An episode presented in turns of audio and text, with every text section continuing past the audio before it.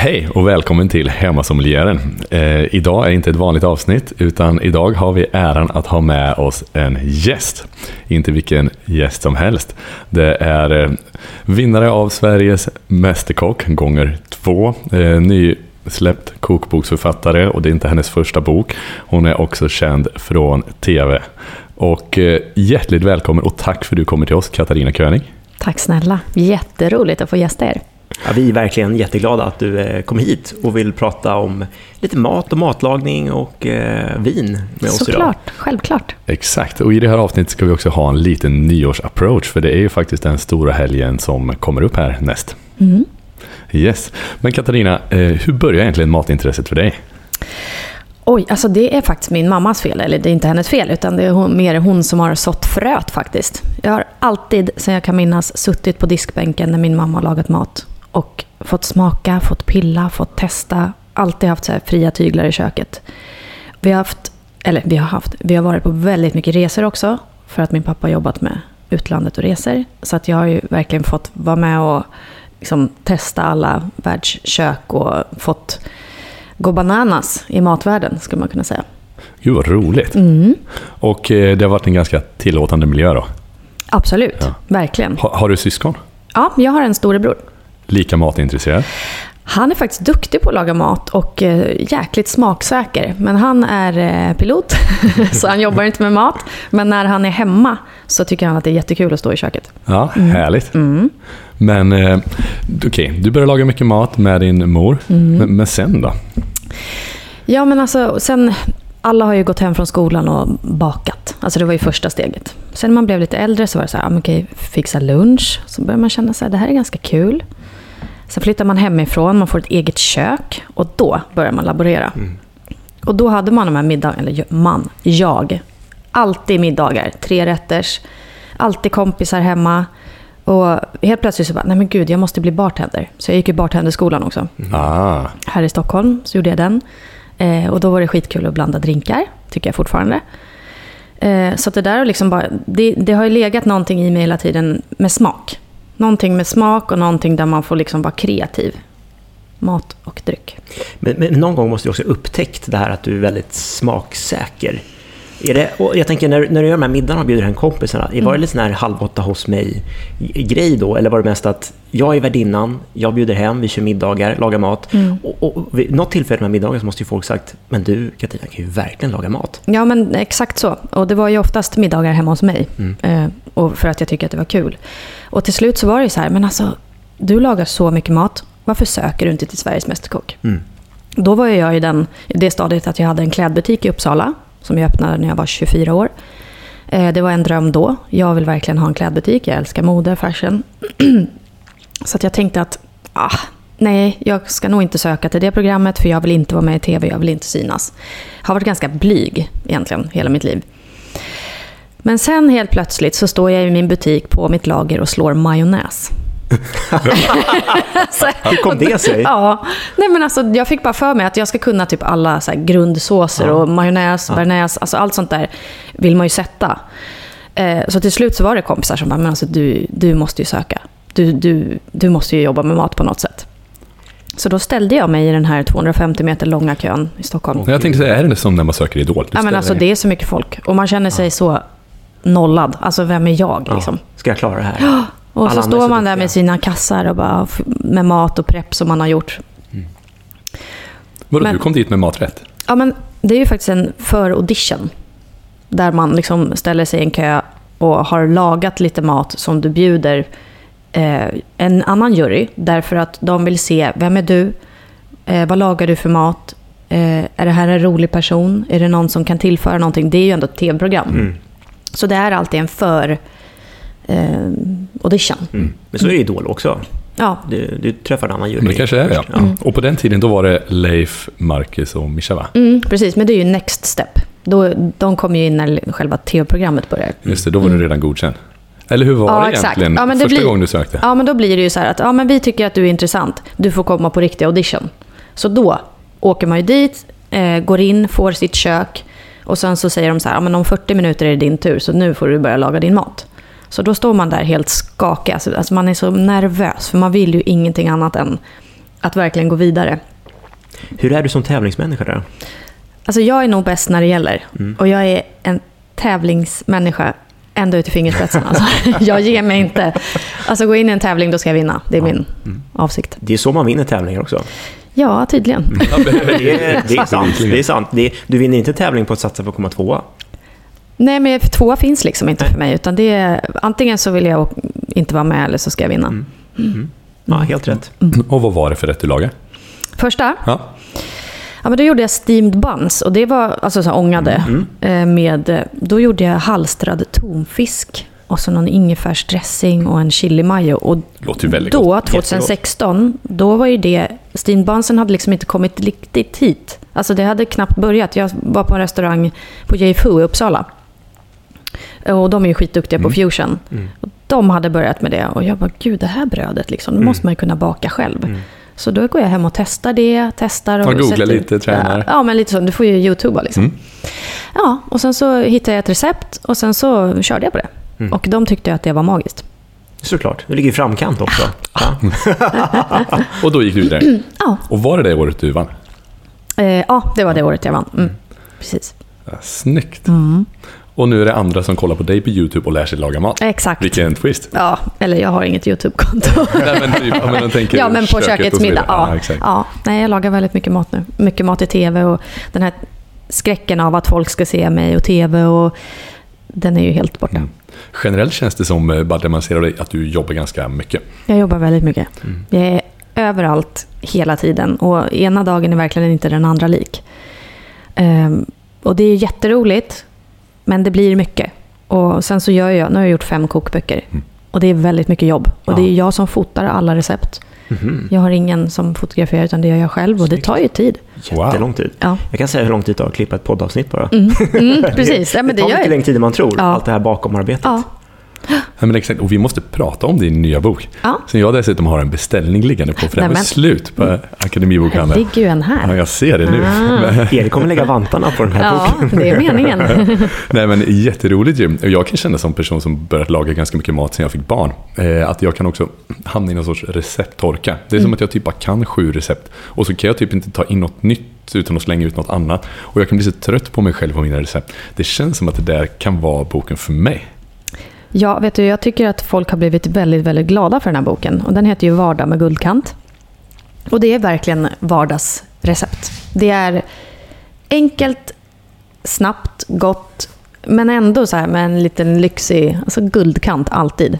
Och det är sjukt många som har hört av sig och bara, men alltså den här boken, det här är den bästa du har gjort. Och jag har ju gjort fem stycken och jag är väldigt stolt över alla andra också. Men den här är väldigt folklig.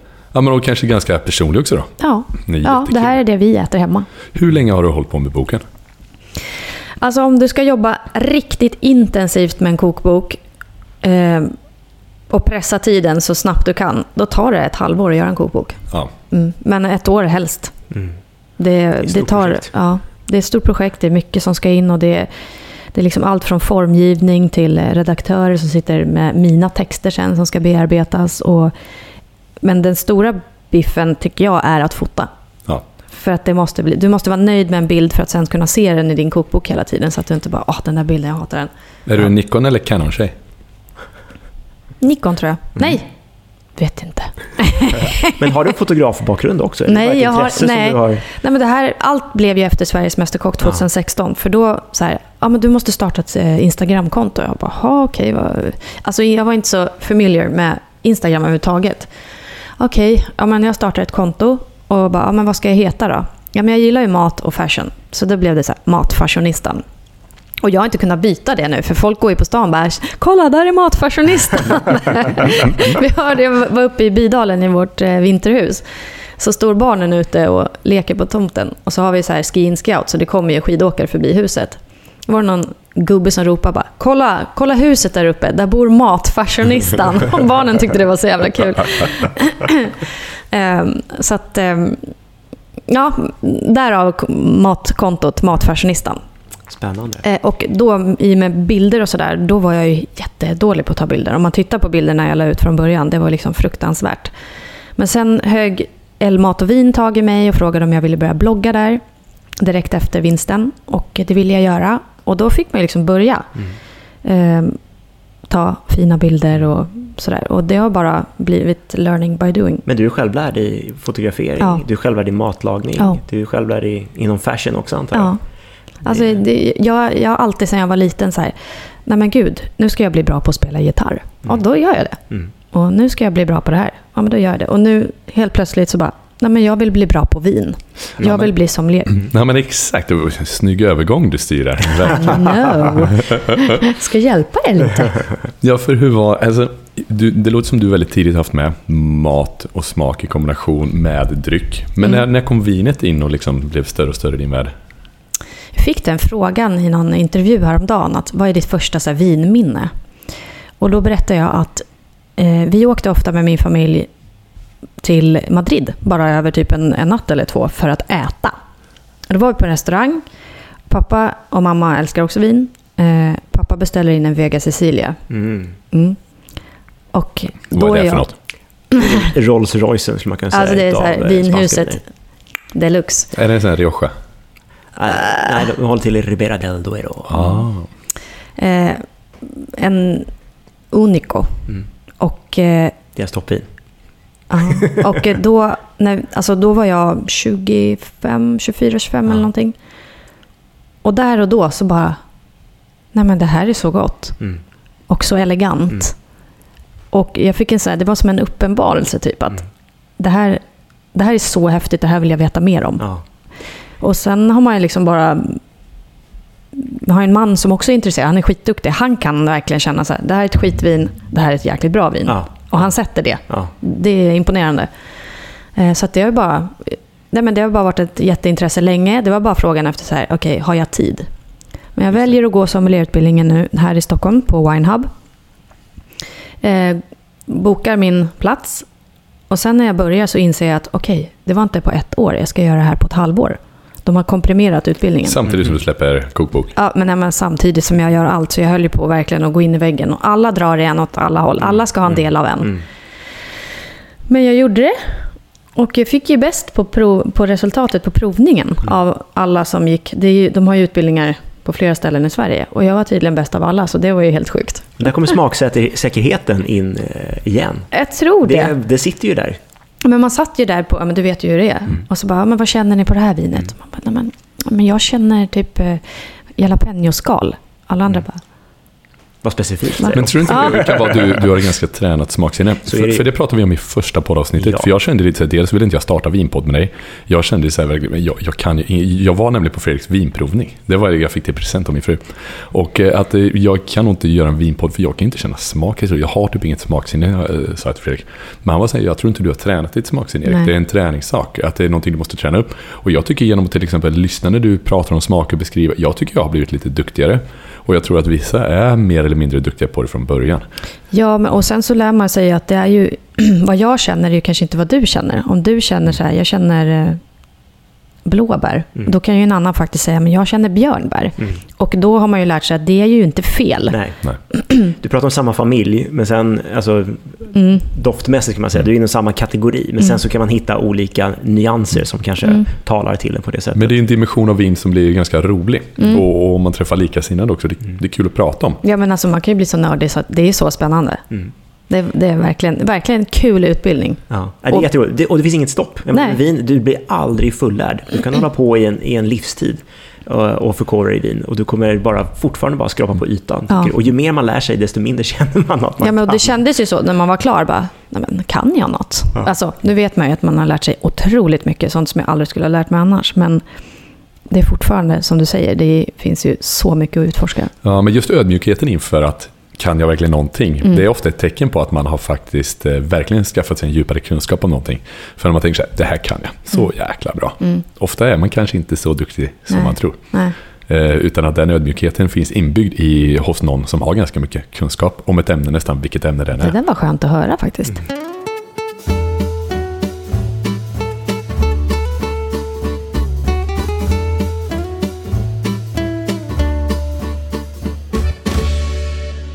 Jag skulle fråga, samlar ni något på vin då, du och din man? Ja, men det gör vi. Eh, vi har en del påkar som är trevliga som vi lägger längst ner i vinkylen som får ligga där och Mm. mysa lite. Mm. Och blir det så att favoriter skiftar? Eller är det så här, nej men jag är en sån här tjej, jag gillar det här. Alltså det är svårt. Det får, det får, jag, jag tycker det är en dum fråga. Vad är ditt favoritvin? Därför att det här, det här handlar ju om vad du äter till. Mm. Alltså vad blir den perfekta matchen? Och då kan det ju vara så här, ja men, ja, men om du äter det här då, då bör man ju dricka det här och då är det godast. Men, och, så det är, väl, det, det är så här svår fråga att få. Vilket är ditt godaste vin? Ja, men, hur långt är ett snöre? Mm. Nej men faktiskt, jag känner samma sak också. Och det är sådär, jag menar många gånger om du är vinälskare och alltså, verkligen entusiastisk kring vin så gillar du ju egentligen alla typer av viner så länge det handlar om hög kvalitet. Mm. Och resten handlar mycket om, liksom, som du säger, alltså, alltså dagsform eller vilket samband man, Mm. man sätter vinet till. Mm. Och det samma med mat. Ja, exakt. Och det kan ju vara så här att ja, men vi, man hamnar på olika så här häftiga vinbarer. Säger att ja, men vi har ett ställe i Turkiet som är, alltså det är en fantastisk vinbar. Och Turkiet, de är faktiskt också duktiga på vin, Mm. vilket man inte kanske vet. Mm. Mm. Eh, utsikten där, vinet kommer ut lite, så här, lite småkylt upp i karaff. ja, men, ja, men man luftar av det Ja. och sen så får man det jä- tunna, tunna, tunna glas, Ja. stora, alltså stor kupa och så sitter man där i solnedgången. Ja, men bara det gör ju att vinet blir så jäkla gott. Alltså, och det kan ju vara så också. Det kan ju vara så också att situationen gör någonting väldigt gott. Mm. Och sen kan man, ja, det här vinet måste vi beställa hem. Så sitter man hemma i soffan och bara, okej, det var inte lika bra. Mm. För Nej. att det handlar om Miljön, tillfället. Ja, tillfället. Mm. allting. Mm. Ja, det är ju väldigt intressant faktiskt. Mm. Eh, och det har du ju pratat om också Fredrik, att Precis. eh, tillfället gör vinet till viss del också. Ja, men vi konsumerar ju alltså vin och mat också med våra sinnen. Alla sinnena är, är, är liksom med. Och då, den liksom sinnesnärvaron man har och den inputen man får vid det tillfället spelar jättestor roll.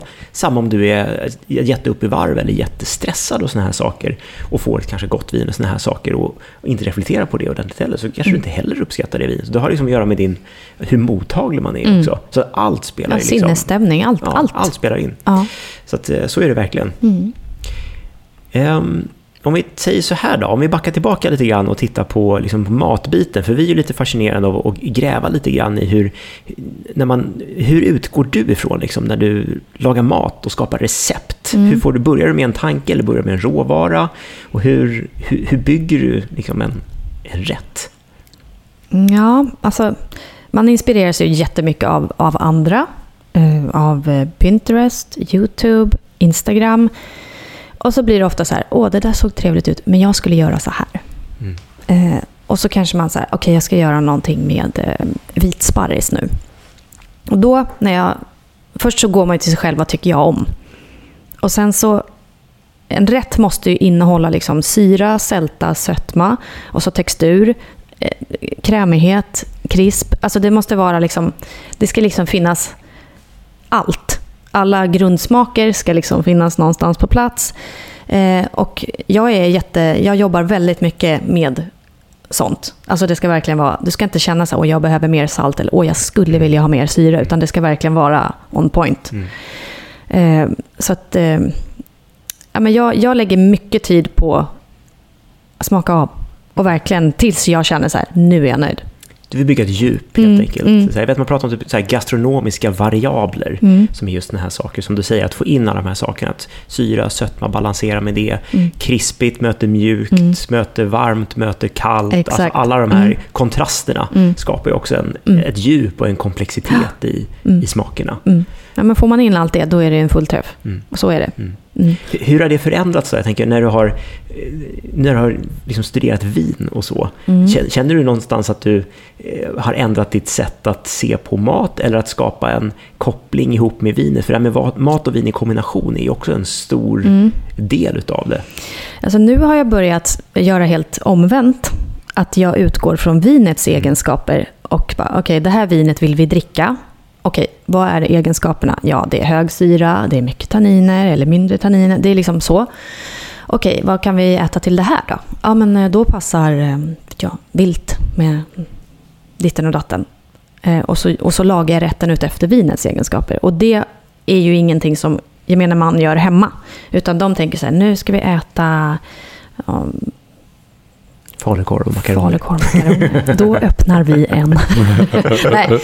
Nej, men eh, man gör ju, alltså, ofta gör ju folk tvärtom. Vi ska äta det här. Så går man till systemet. Bara, "Ah, jag ska äta det här. Vad ska jag ha för Ja, vin? ja. Så, och en sommelier då, ja, du är ju extrem på det. Vet ju att man gör det omvänt. Mm. Man hellre går andra vägen. Nej, men jag är sån när när jag är på restaurang, och det- har säkert du också börjat med också, att göra. man går på vinlistan först. Mm. Och så, väljer Och man, väljer mat. och så väljer man vin som man tycker så här, men det här är gott vin. Och sen kollar du vad, vad passar till Mm.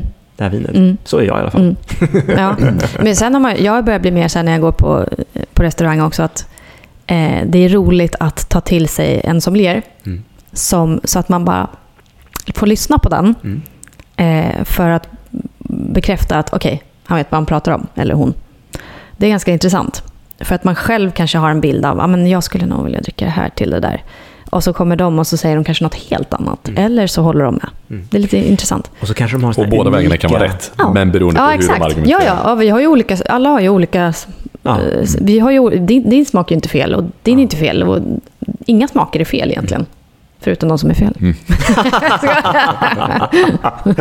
Nej, men så är det ju ibland. Ja, och sen så sommelieren brukar ibland ha lite hemliga, dolda Mm. tips på saker som de vet, så här, det här är ett superspeciellt vin som jag vet att eh, du kommer älska det och det kommer passa Mm. jättebra ihop med det här.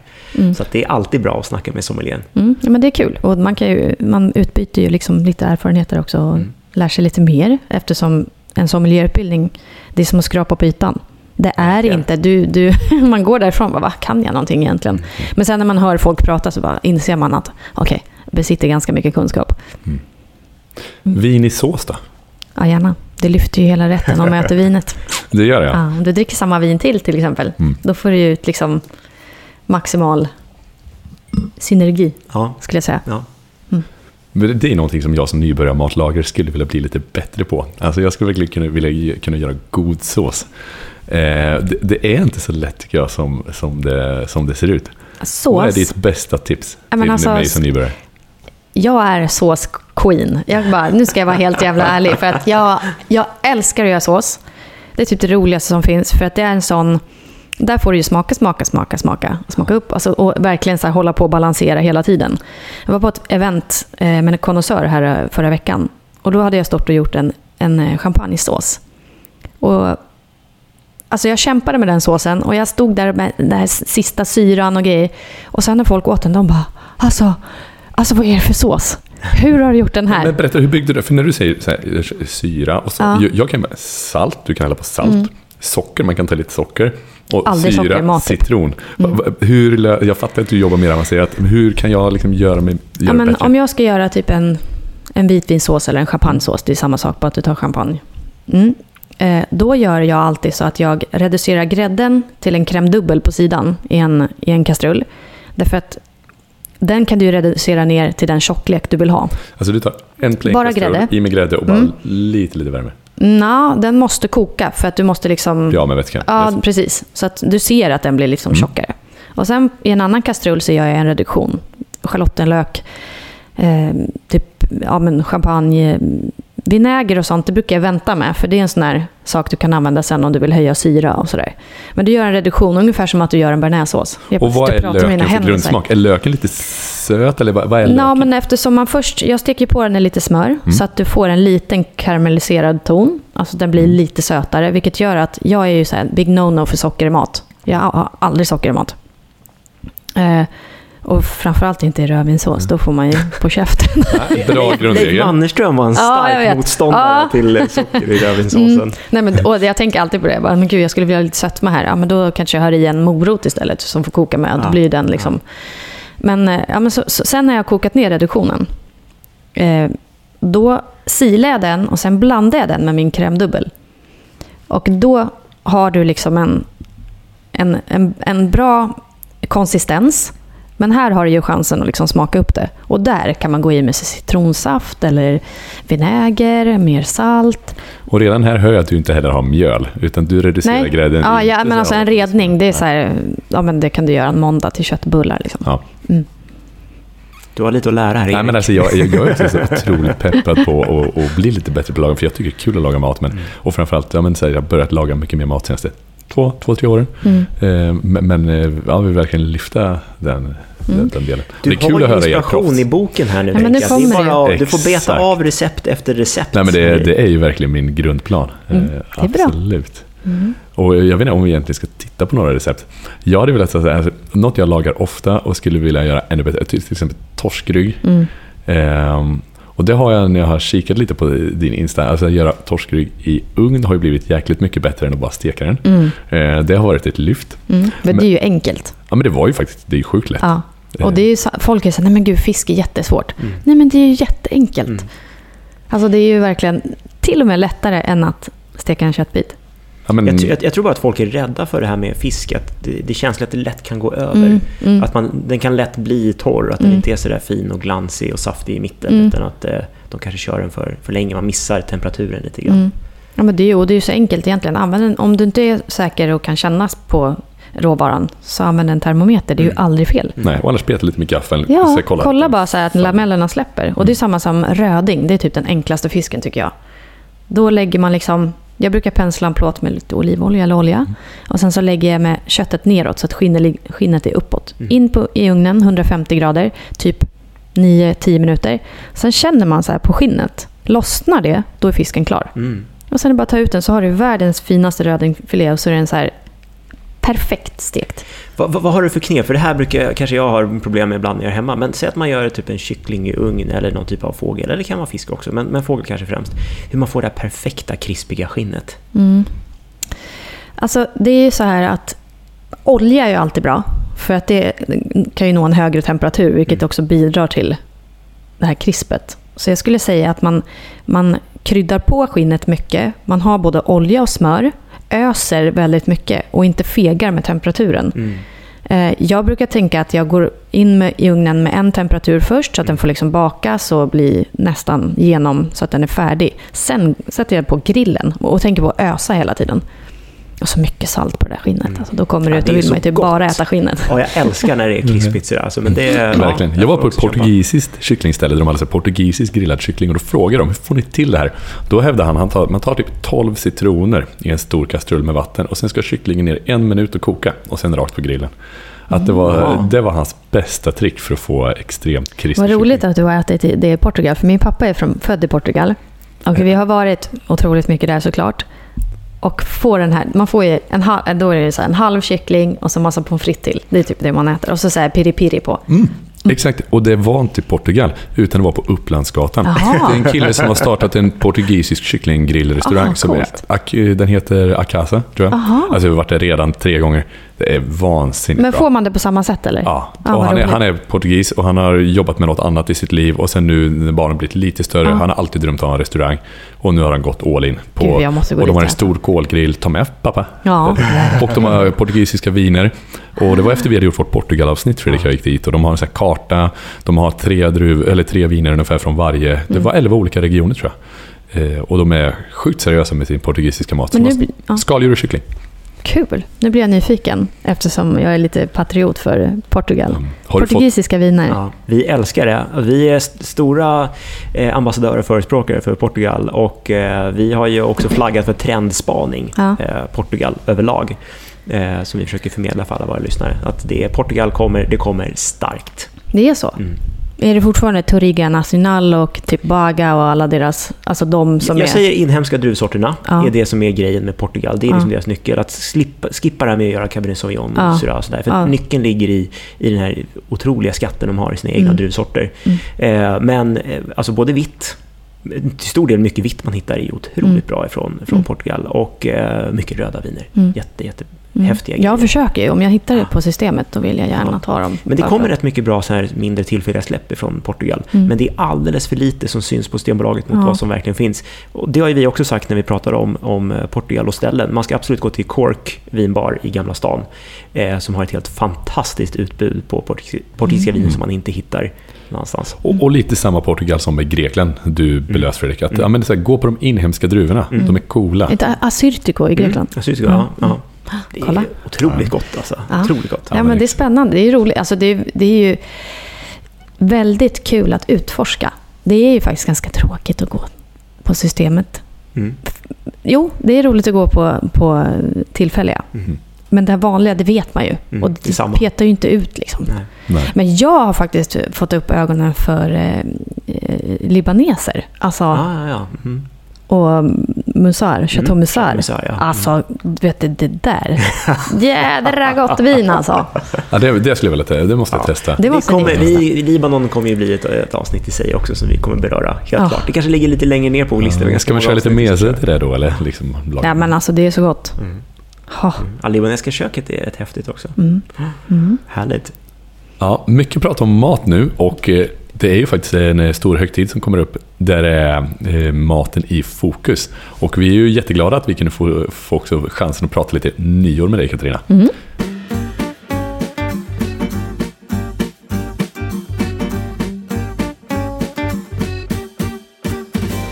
Jag tänkte så här, den, den som lyssnar på det här hoppas jag nästan eh, är kanske lite mitt i nyårsbestyr just nu. Kan vara så i alla fall. Och eh, vi har ett vinproffs, vi har ett matproffs och eh, det vore väldigt kul med er att få prata lite vin och mat till nyår. Och eh, Fredrik, du har lite vinförslag som du har matchat mot en eh, nyårsmeny du har tänkt ut Katarina. Mm. Exakt. Ska vi bara ta det från början? Ja, alltså ska jag prata om menyn jag tänker på mitt nyår? Ja, men jag Mm. tänker detta och får, man fråga, hur firar du nyår? Har du någon tradition eller? Ja, men vi har ju skapat en. Eh, vi har ju byggt ett, ett nybyggt hus i Bydalen. Eh, Och i Bydalen, vart ligger det? Jämtland. Jämtland, Alltså yes. 55 minuter från Åre. Ja. Eh, och vi eh, firar alltid nyår där, eller alltid. Första året var förra året. Är det som ett riktigt fjällhus med Ja. så här stor eh, s- hög spisig skiffer Ja. i mitten typ? Inte skiffer, men den är i mitten av huset. Jättefönster, 6,5 meters takhöjd. Wow. Blev mycket större än vad jag trodde att det skulle bli. Men ja, vi trivs jättebra, det är fantastiskt och det var fantastiskt kul att bygga ett hus från grunden. Gillar ni det här stället både sommar och vintersäsong eller är ni liksom Mest vinter. Ja, Jag har en son som tävlar i freeski, heter va? Mhm, Häftigt. Han är jätteduktig på Har man som mamma hjärtat i halsgropen? Ja, jag vill inte vara med. Nej. Nej, jag är inte med. Jag kan inte se det. Nej. Jag vill bara ringa efteråt bara, gick det bra? Eh, Men han är jätteduktig. Han är, ja, voltar och gör alla sina Misty, bla bla bla. Jag kan ju inte vad de heter. Men Ja, det, det är åker väldigt upp på coolt, såna men det är här också... grejer. Vad heter det när man åker på någon? Rails. Rails, tack. Morsan, hon kan ingenting. Nej, men han är skitduktig och eh, det är kul för att eh, de kan ju bara ta skidorna och åka från huset och så kan de åka ja, i backarna eller i den här parken. Men där har ni cementerat nu nyårstradition i alla år framöver. Jajamän, där ska vi vara och där fira jul och Det nyår. låter väldigt mysigt. Ja. Vadå, så ni åker upp till jul och så bara stannar kvar? Ja, Gud vad härligt. jajamän. Mm. Ja, det är lite dröm, drömscenarion då. Ja, men det är lite drömmigt faktiskt. Och när man står där, alltså det, är så stjär, det finns ju inget som är så stjärnklart som där uppåt. Ja. Alltså det, du, du, kan eller du kan ta kort på stjärnbilder Mm. med mobilen. Mm. Ja, det Får är inte det där störljuset Du från kan inte en göra stad, det här. Liksom. Nej. Stockholmsmoggen. Ja, och så ja. den där kylan, typ om du drar in så här ett andetag så fryser det i näsan på dig. Liksom. Och så står man där under stjärnorna och så bara tittar på huset som man har byggt. Alltså det, är, det, är sån häft, det är sån surrealistisk känsla. Så, vaknar du upp på nyårsaftons morgon. Och så tänker jag så här, nu ska jag laga mat. Och då blir är det heldagsprojekt då? Ja, men jag är väldigt så här, planerig. Jag, jag vet ju typ nu vad vi ska äta. Mm. För att jag behöver tänka, hur ska jag göra det här på bästa sätt? Och vad kan jag preppa? Och hur ska det se ut? Och vilka kommer? Och, ja. Blir du inte trött om man tänker så här, du jobbar ju ändå heltid med, med mat. Mm. Eh, det, du känner aldrig att det är så här, nu är det för mycket, nu är jag trött Nej, nu får någon mat. annan Nu- laga mat ja. på nyår. Jag skiter i det här. Nej, men alltså jag, jag tycker ju genuint att det är så himla roligt. Eh, det som jag kan vara trött på det är om jag åker iväg till TV4 och spelar in en hel dag, alltså Ja. fyra rätter Ja. nya som ska gå på köksmiddag. Då luktar man liksom matost när man är klar, kommer hem. Då är inte jag skitsugen på att Nej, laga en ny rätt. Mm. Så då, det vet Anders, så han är så här, okej. då köper ni hämtmat han- kanske. Ibland hämtmat, men han, tacos kan han göra. Ja, Mm. bra. Mm. Så då slipper jag. Ja, snyggt. Mm. Nej, Mm. fullt förståeligt. Fullt förståeligt. Okej, men då lagar du alltså mat eh, tidigt, sätter igång på Ja, ja men alltså man förbereder ju allt som man kan för. Och det här är ju en vanlig fråga man får. Hej, jag ska laga det här receptet. Vad kan jag förbereda? Mm. Vissa såser går ju att förbereda. Mm. Eh, potatisterrin och sånt där som jag har tänkt att ha. Liksom, Mm. Kan du förbereda? Mm. Eh, så att, Men det är ju inte helt dumt att förbereda för att få bort lite av den stressen som är. För ska man hosta, och det känns som du är väldigt van att hosta. mm, ja, men jag älskar det ju. Men Ja. det är, det är, det, jag tycker att det är så häftigt. Ja, men om, du går bort, du blir bjuden på middag. Då, jag är så tacksam, för jag vet vilken effort det ligger bakom en middag. Det tar tid. Alltså, man tänker här, vi ska bara äta det här. Det tar ju en hel dag att fixa allting. Ja. Planera, åka handla, fixa, laga, duka. Och sen när gästerna kommer så ska man även också, man vill hinna vara trevlig, ska Ja. ja. prata, hålla koll på Ja, barn. och det är därför jag preppar. Ja. Därför att ja, men jag vill liksom kunna hänga. Så att man gör så mycket som möjligt, så mycket som går. Mm. Så nyårsafton nu då, vad blir det till förrätt? Ja, men jag är ju... Jag, jag vill dricka champagne. Jag är löjromsfreak. Mhm. Och jag tänker så här. Till en lite brödig champagne. En riktigt smörstekt, dränkt typ briocheskiva. Med typ syrad grädde eller crème fraîche. Något fett. Och mycket löjrom. Citron. Liksom den kombinationen till champagne. Ja tack. Ja, men det är en perfect, perfect match. Det är Ja, verkligen ja. det. Är jättehärligt Ja, att få. alltså det här typ brödiga brödet möter det brödiga briochiga i champagnen.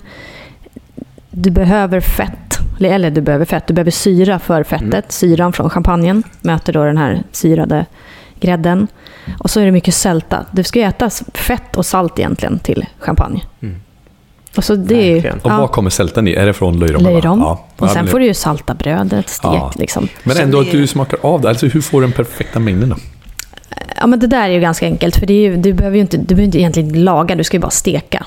Och jag tänker alltid så här, vet du, vi ska smördränka det här brödet. Det ska inte vara mjukt, men det ska vara mycket smörsmak, riktigt rostat. Inte bränt, alltså det, men det ska, vara väldigt, det ska vara den här smöriga tonen. För ofta i champagne är det ju lite så här smöriga toner.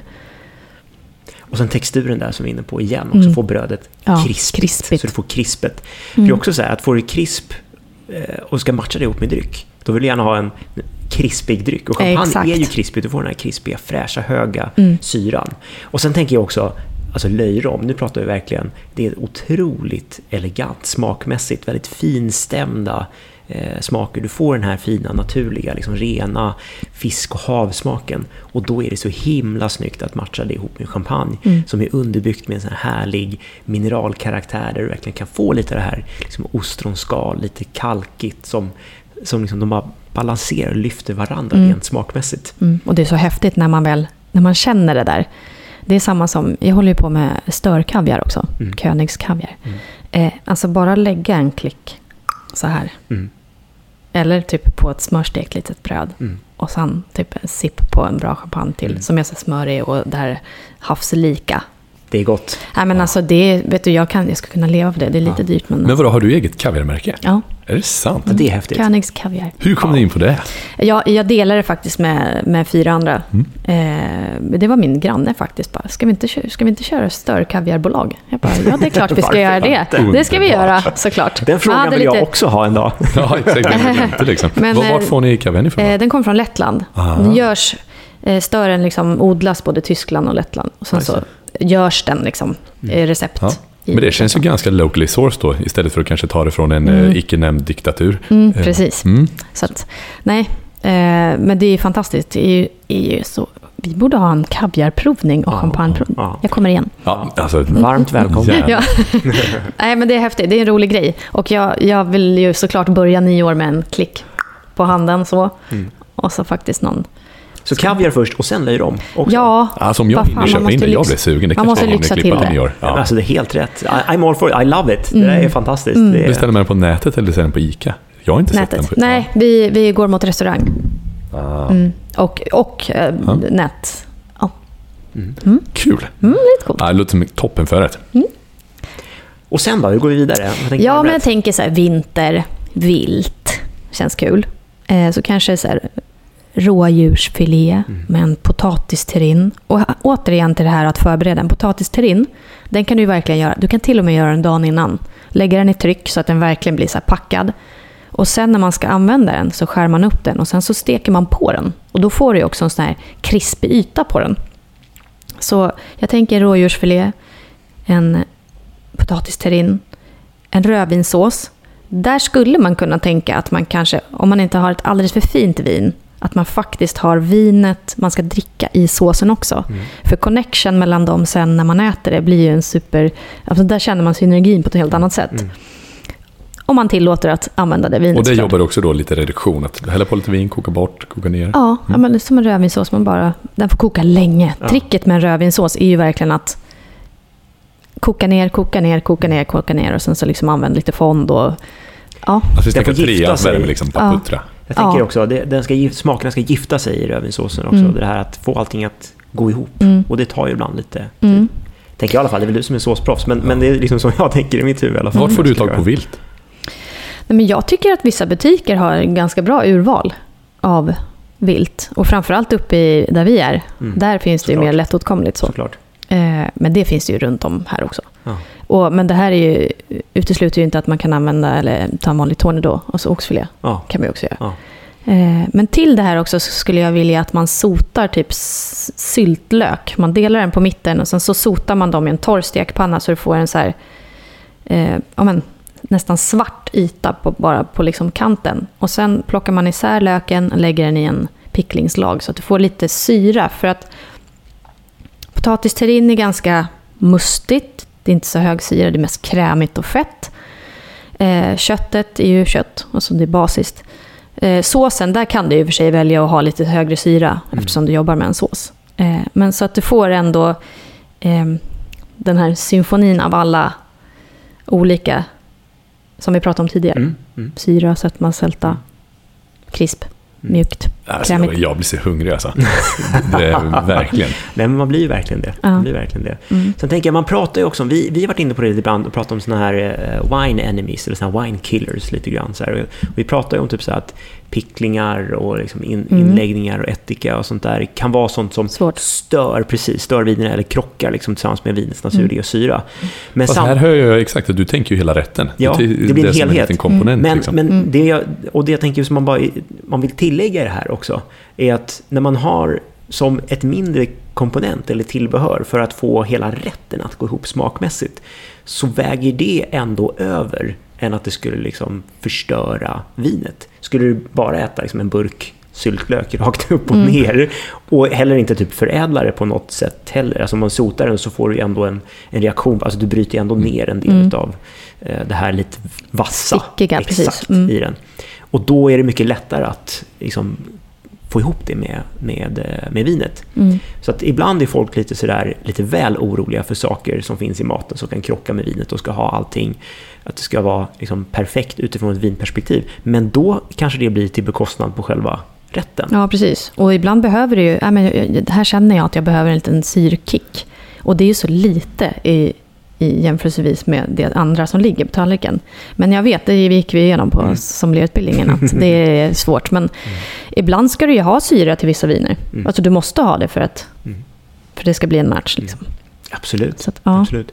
Och sen tänker jag med såsen också, det här med att använda samma vin i såsen som man har i, i glaset. Mm. Men det vi, vi pratar ju om det ibland också, på det sättet som man kan se vin på.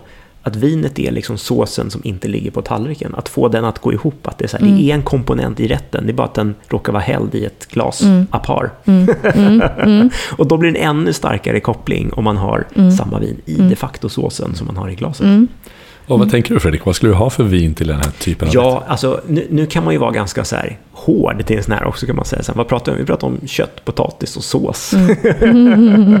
egentligen, och då kan man säga så här, här funkar ju de flesta röda vinerna till egentligen, som kanske har lite fylligare kropp och har kanske lite mer tanninstruktur och lite mer liksom, djup i sig för att ändå kunna matcha med sån här rätt. Men just i det här fallet så har jag tänkt att titta på ett, eh, ett eh, sydfranskt vin, ett ursprung som heter Bandol som ligger i Provence.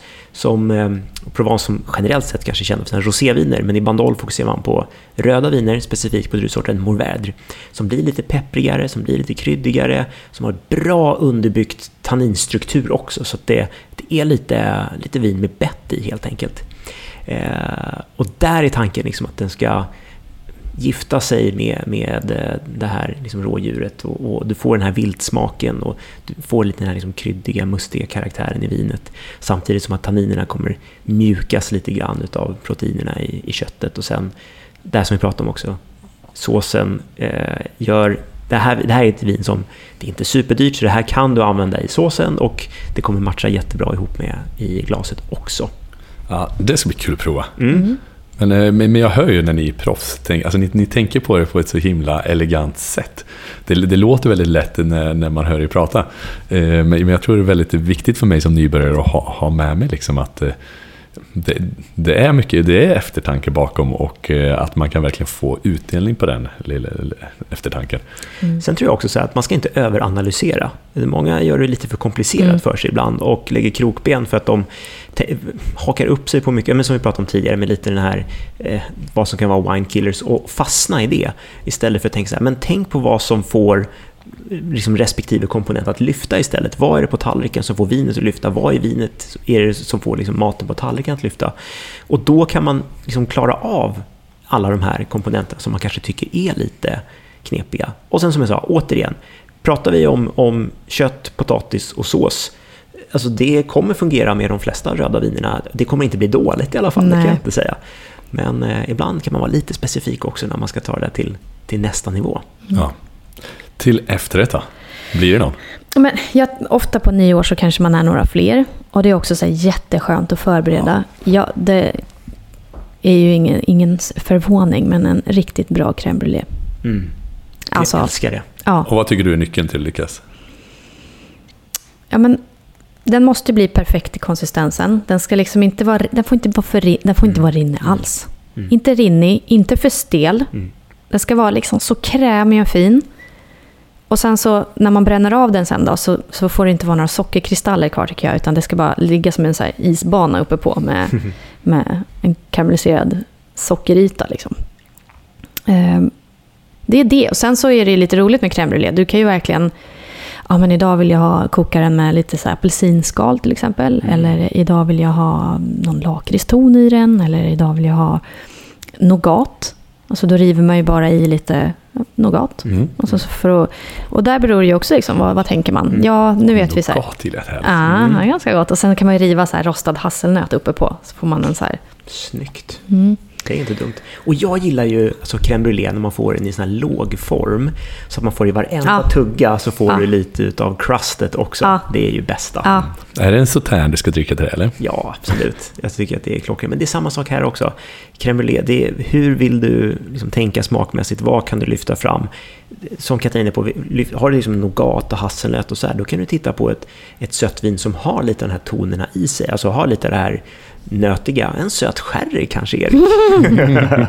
Nej, men vi behöver inte gå dit. Men, men jag tänker att du kan titta på någon typ av, alltså till och med starkvin, ett portvin, en Tawny Port till exempel, mm. där du får mycket av den här liksom, kaffe, choklad, nötiga toner i sig också. Jättesnyggt ihop med det.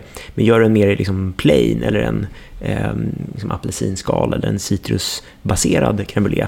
Eh, då är det härligt med till exempel ett, ett lite mer ett vitt, sött vin exempelvis eh, Sautern klockrent. Underbart. Mm. Blir det någon provning? Ja, nu måste vi prova vin också. Ja, det, vi har ju ändå en tradition i den här podden. Vad tror du Katarina? Måste, måste. Alltså, det var ju det jag mest såg fram emot. Nej, jag. det är därför du är här. ja. Let's go. Då kör vi.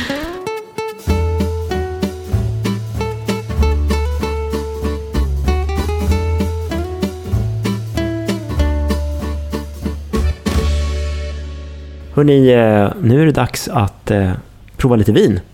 Och eh, nu har jag tagit med mig de här goda vinerna som jag satt till Katarinas meny. Så att champagne ska vi börja med. Ja, Katarina sa någonting om sex varv på den ja. här stålgrejen. Jag fattar inte vad då. Grimman? Ja, exakt. När du, ska, när du ska öppna den så skruvar du ju så här, dung, dung, dung, och du kan räkna till sex. Det blir ett halvvarv, mm. som vi sa. Men, exakt. men det, det, tar stopp vid sex, sen kan du ta bort den. Ah. Precis. Får jag fråga en sak? Ja. För det här är ju tycke och smak. Temperatur på en champagne? Ja, bra fråga. Och eh, där kan jag också säga att det, det, kanske varierar lite grann beroende på vilken champagne du dricker.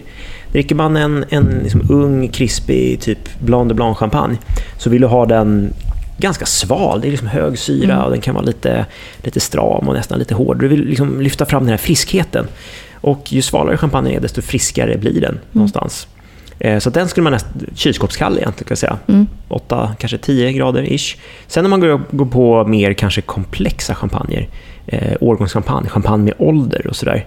Då, och på 12 eller? Ja, då skulle mm. jag säga då är det nog åtminstone på 12 grader och, och härjar och kanske ibland även lite lite högre. Mm. För då vill du ju, alltså ju kallare du har ett vin, desto mer Mindre aromer smak. försvinner. Ja, precis. Mm. Eh, och då kanske du vill framhäva mer utav vinets karaktär och arom. Så då kan det vara till fördel att ha det nästan lite, Mm. lite varmare. Mm. Så att, eh, nu hällde jag upp lite champagne till oss här. Och, Trevligt. eh, Trevligt. då är det, råkar det vara en årgångschampagne. Så det här är 2016, Vintage ifrån eh, Paul Rocher. Ehm, Så att samtliga druvor i den här champagnen är ifrån årgången 2016. Och det här är en blend då på 60% Pinot Noir och eh, 40% Chardonnay. 2016, det var ju ett bra år. Ja, de är nöjda med 2016. Det är eh, ett år som ändå hade kanske lite utmaningar vädermässigt, men eh, kvaliteten är ändå riktigt bra. Var det gott? Alltså, jag vill bara ha den där löjromstoasten. Nej men faktiskt, verkligen. Nej, men det är ju så. Här har du ju någonstans, du har hög syra, du har hög friskhet. Det finns en krämig struktur i Ja. det här också som jag tycker är väldigt härlig. Som är precis det du pratar om, att man, man vill få in det där krämiga i den här liksom, löjromsrätten. Och det har det redan i vinet. Smackigt. Alltså det här. Och det här är alltså en champagne du inte sparar till tolvslaget, utan den här tar man tidigt. Ja, Men man tänker det, och det där är väl en, en klassiker som man hör många frågor om många gånger också. När ska man dricka champagne? Är det den fina champagne? Eller om man bara har en flaska champagne på nyår?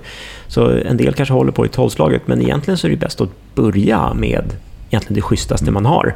För då är du som mest skärpt, ska man säga. Dina sinnesfulla Ja. bruk. Men det sätter alltid en så här härlig känsla. De har ju verkligen lyckats branda det i champagne, men det är nästan betingat. Alltså man smakar det här friska, Ja. krispiga, man blir på gott humör. Mm. Det är en trevlig... Mm. Men det är en härlig start. Ja, Alltså verkligen. Ja, Och ja. väldigt festligt. ja. Och det fina tycker jag också på nyår, det är det här att man, men man dricker champagne, det blir uppenbarligen fördrink. Mm. Man kanske har någon liten kanapé eller någon snitt eller lite snacks till. Och sen så tycker jag det är absolut högst rimligt att fortsätta med champagne in i förrätten också. Mm. Ja, men om man tänker Katarinas meny då, om man hade varit så här, ah, jag vill dricka champagne rakt igenom. Hade man kunnat kliva in på en lite kralligare roséchampagne Ja. till varmrätten? Det tänker jag att man absolut Mm. eh, skulle kunna göra. Och precis som du säger Erik, alltså verkligen titta på en kralligare roséchampagne. Mm. Eh, just för att alltså, med intensivare köttsmaker så vill du ju ändå ha ett vin som står upp emot det. Och där kanske man inte ska ha en, en champagne som är för tunn, utan då får du verkligen jobba med bland de tyngre grejerna du hittar. Så antingen om du- en rosé, som kanske framförallt är en rosé som är bländad med lite rött vin, där du faktiskt kan känna lite Den ska vara tannin. mörk. Ja, men, ja gärna det. Och, för då kan du få lite nästan så här tanninstruktur i champagnen också. Eller så kan du titta på typ en, en Blanc Noir, alltså en, en då, Mm. förmodligen då Pinot Noir-baserad champagne, som är lite bredare, lite djupare, som har mer rundör och mer, Mer fyllighet. kropp, liksom. Exakt. Mm. Då, då kan det funka också. Helt klart. Så att, eh, ja, men det här tror ni får godkänt i alla fall som eh, någon sorts nyårsfördrinks... Eller Verkligen. förrättschampagne. Alltså den där. Jättebra. Men man vill bara ha den här, det här smöriga, krispiga, feta, salta. Man, bara, bara tanken gör att man går igång. Eller hur? Mm. Och sen det där som vi sa vid tolvslaget, ja, men då, har man ju ändå, då är man ju några enheter in kanske, för då har man ju ätit en trevlig middag. Man druckit champagne, man druckit röda, lite sött vin, kanske var en avec efter maten också. Mm. Så kanske blir en, alltså vi dricker ju ofta en gin tonic eller någonting. Däremellan så kanske man petar in en öl. och sen är klockan midnatt och då ska man eh, öppna någonting och skåla med och då kanske man sparar något enklare. Alltså man kanske bara ska klippa Rickard Julins 00 klockan 12. Ja men faktiskt. Alltså, Ja. Och för alla småbarnsföräldrar ute så är det inget dumt heller. När man orkar gå upp sen på nyårsdagen. Men det är dumt. Det är ju verkligen dumt att öppna det finaste man har med tolvslaget. Ja. För ofta så är du ju inte medveten Nej. om... Nej. Men om kvaliteten, utan Ja, exakt. Ja, och det är ju bara onödigt. Mm. Men, där märker jag, alltså jag, när man har haft stora vinmiddagar eller folk som jag så här beställer in vin, sitter på krogen och sådana saker, då, det brukar oftast så, så de, de börjar ju på en, liksom en enklare nivå eller så, sen skalas det där upp hela Får tiden. feeling. Ja, precis. Och någonstans i slutet när man sitter och funderar på så här, ska vi ha ett vin till? Och så vet man att folk kanske är lite påverkade. Och så pangar de på, på okej nu tar vi det dyraste, det bästa vinet Så har. dumt. Vilket Skulle är gjort lite det från början. Exakt, vilket är lite synd Mm. måste jag säga. Eh, men ändå, då har de också byggt upp mod för, att, för att komma dit. Men det blir lite fel i alla fall. eller så har de byggt Men- en fin relation till det i sommelier som gör Ja. att de vågar och öppna sina sinnen. Och, Jo, men så är det ju. Det, det är det som jag bara tycker är tråkigt, att där kanske man ångrar lite grann dagen efter. Mm. Både när man känner så här, åh vi drack det vinet igår men jag kommer inte ihåg det. Och sen så tittar man på kontoutdraget Mm. och så är det så här, åh nej, det där blev alldeles för dyrt. Mm. kan det vara så. Mm. Så därför säger vi, eh, ja, men titta på något enklare bubbel just till, eh, till tolvslaget. Drick champagne först. Vi har eh, ett rött också. Som vi ska prova. Som är tanken att det ska gå till eh, rådjuret här. Och eh, nej, men som jag nämnde, det här är ju då den eh, sydfranska bandollen.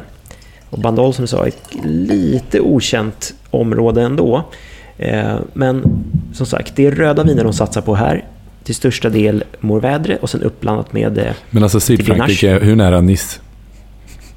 Nej, alltså det är, det är inte långt därifrån. Okej, då. så nästan mot Provence då? Alltså. Det ligger i Provence. Ja, i Provence. Ja. Men inte Yes. ett rosé då? Precis.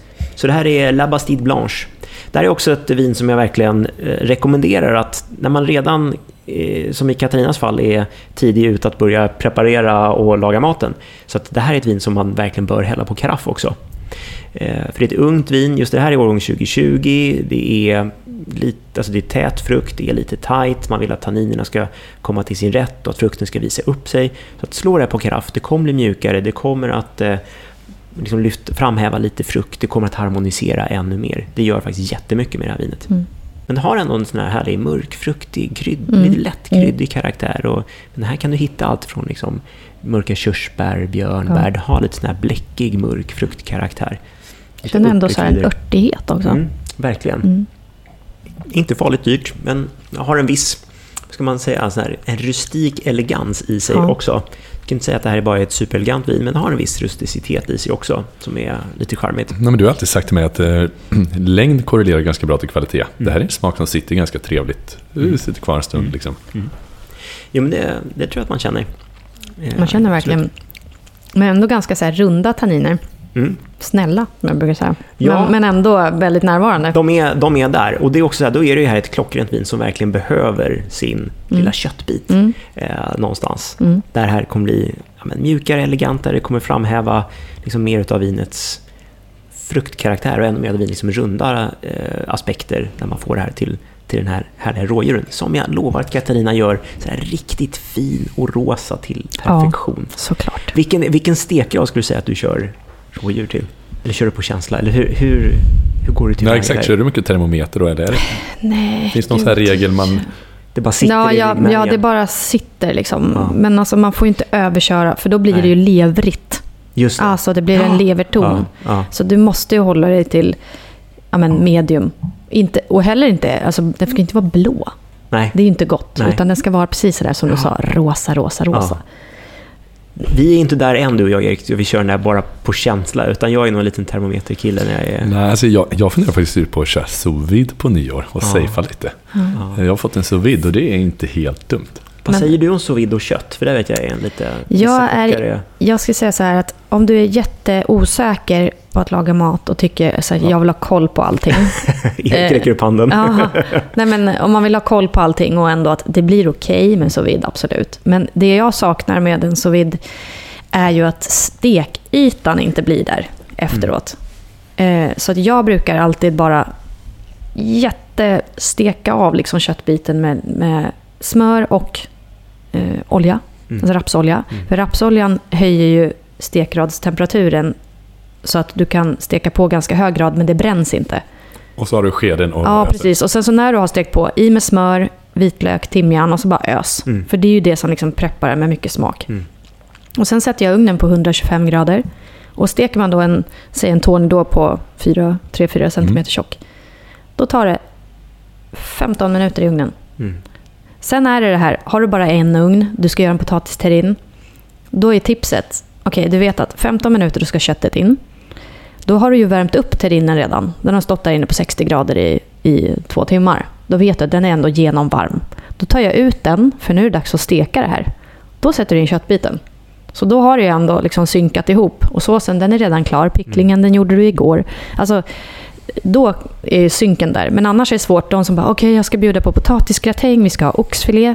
Okej, hur tänker du där? Ska du steka den i stekpannan Mm. hela vägen? Eller ska du använda ugnen? Hur? Det går ju inte. Mm. Många har ju två ugnar idag, men alla har inte det. Så där måste man tänka lite. Och så här, en smart grej att tänka på om man, ska, om man har en ugn. Gör en potatispuré. Ja, just det. Då behöver du ju inte ha den i ugnen. Nej, utan bara kastrull och preppa. Ja, och då kan man ju ha kanske typ härkuvert eller något annat till. Mm. Så att man liksom får krisp från någonting. För puré är puré. Men terrine lät så nice. Det är så Ja, gott. visst. Och, men, Ja. och sen låter du köttet vila också när du plockar Ja, ut det. precis. Och ja, tre, fyra minuter bara för att liksom köttsaften ska stanna kvar. Ja, just det. Mm. Och så skär du upp det och så är den så här riktigt Ja. rosa. Täcker du med folie? När den kommer ut? Mm. Nej, därför att då kan det bli... Risken blir att du kan bakas ännu mer. Mm. Alltså för det, folie håller ju värme. Då är det bättre att lägga ett smörpapper på. För där stänger du, ut, där stänger du av liksom fortsättningen. av Sen nu får jag pro-tips här som liksom kommer skilja agnarna från vetet. Mm. Men alltså 125 grader, sån köttbit. Stek på först runt om. 15 minuter, då är den helt, alltid helt perfekt i mitten. Ja. Jag kommer skicka det här till dig sen. Jag kommer laga det på Mm. nyår. Jag vill se det. Ja, det låter jättespännande, Erik. Ja, du har fått mycket bra tips idag. Ja, verkligen. Och Katarina, var otroligt roligt att ha dig här och var Jättekul. generöst. Självklart. Och eh, att eh, liksom, jag hör att du är en smakmästare ute i fingerspetsarna. Eh, det ska bli kul att förkovra sig i din bok. Eh, hoppas att folk ansluter till det. Och eh, skulle vilja be att få avsluta med en skål och Ja. gott nytt Ja, år. hörni. gott nytt Gott år. nytt år. Gud, Skålar vi trevligt. champagne här. Ja, skål, Hej på på er. er.